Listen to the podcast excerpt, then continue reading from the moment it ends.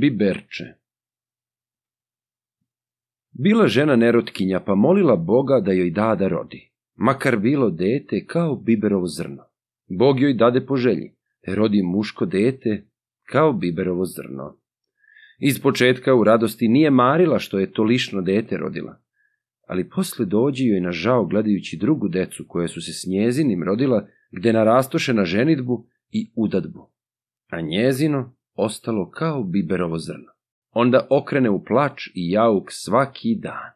Jedan put dođe joj u san neko i kaže da ne plače više, bit će njen sin veliki kao jablan. Iza toga sna ostane vesela, ali ne zadugo, jer malo potom dođe joj sin i reče da mora ići kud mu je u snu rečeno. I tako on ode, a mati ostane plačući.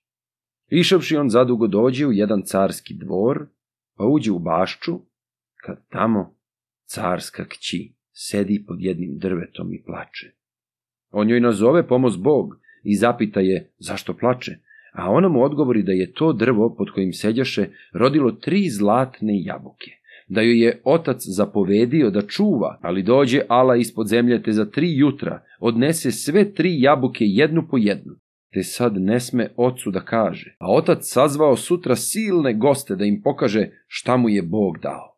On joj kaže da učuti, on će joj sve tri jabuke od Ale doneti, samo da mu da dve svoje sluge da idu s njim. Potom on kupi jednu ovcu i zaklavši je, sva četiri čerega metne u torbu, a ostalo baci, pa ponesavši jedno uže, ode sa slugama iz grada na jezero. I onde digne jedan kamen, pa reče slugama. Da ga na užetu spuste dole, pa kad zadrma uže da ga vuku gore. Tako ga sluge spuste, kad tamo lepa bašča i kuća. Kad uđe u kuću, a to Ala sedi kod vatre i u velikom kazanu nešto vari. Ala kako ga ugleda skoči na nj, a on joj brže baci jedan čereg mesa. Dok se ona sagnu i uze meso, on ukrade jednu jabuku. Ala opet na njega nasrane, a on joj baci drugi čereg, pa uzme i drugu jabuku.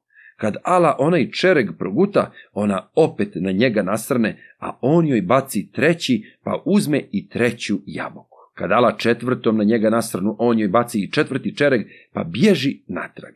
I tek da se uhvati za uže, a Ala ispadne na polje, a on brže odseče od svoje noge mesa, pa joj baci i zadrma za uže, te ga izvuku gore. Potom preda carskoj kćeri jabuke, pa ode. Malo vreme zatim prođe, a Ala počne svaki dan gore izlaziti, te je svaki dan jela po jednu devojku koju su joj morali iz grada slati redom.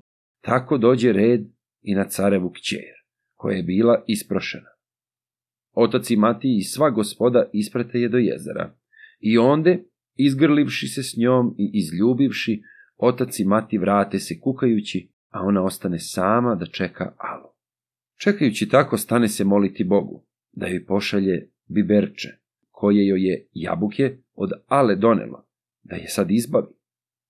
U tom biberče dođe u grad. A grad sav u crno zavijen. Kad on zapita što je i oni mu kažu, on brže na jezero i nađe carevu kćer gde sedi i plače, pa je zapita hoće li poći za njega ako je od ale izbavi. Ona reče, hoću, ali ti me ne možeš izbaviti. Jedan je samo koji bi mogao, ali toga nema. A koji je taj, zapita on, a ona odgovori, istina da je mali kao biberovo zrno, ali on bi mene izbavio. Biberče se nasmeja i reče joj da je Biberče sad veliki momak i da je došao da je izbavi.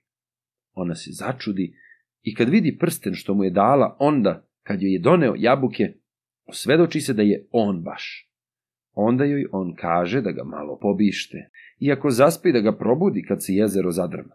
On legne njoj na krilo i ona ga počne biskati, te on zaspi.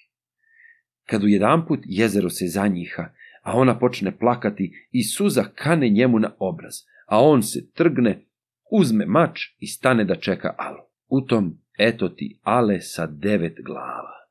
On je dočeka i odseče jednu glavu, a Ala juriš na njega, a on joj odseče i drugu, i tako svih devet. Potom zaište od devojke maramu, pa povadi svih jezika devet i veže u maramu. a devojci kaže da nikom ne kazuje ko je izbavio. On će već doći kad bude vreme, pa onda ode.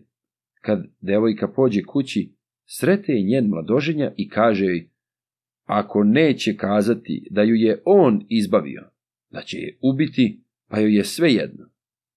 Ona se razmisli i opominjući se šta joj je Biberče kazalo, da će doći kad bude vreme, obeća da će kazati da ju je on izbavio. Mladoženja se vratite, ponese za svedočanstvo svih devet odsečenih glava. Kad ona dođe s njim, svome ocu i materi, nije se moglo znati koga već magrle i ljube, nju ili njega, i naume odmah da ih venčaju. Ali se ona načini bolesna. Kad prođe nekoliko dana, eto ti biberčeta i kaže da je on izbavio devojku. Sad car kome će da veruje? Devojka ne sme da kaže, onaj preti da će je ubiti, te car naredi da im sud sudi. Kad iziđu na sud, sud reče, ko ima svedočanstvo? Onoga je devojka. Kad onaj iznese glave, a ovaj jezike, opet sud ne zna, kome će da veruje, jer onaj kaže da nije glave odmah posekao, nego potrčao s devojkom kocu, a kad ovaj iznese devojačku maramu, on kaže da je devojka maramu od straha izgubila.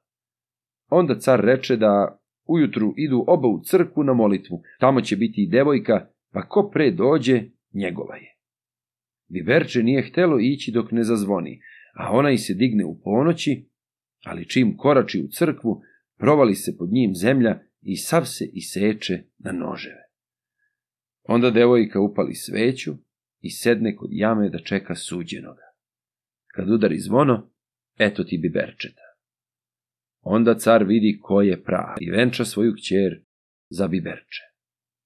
Potom biberče ode svojoj materi da vidi da je on veliki.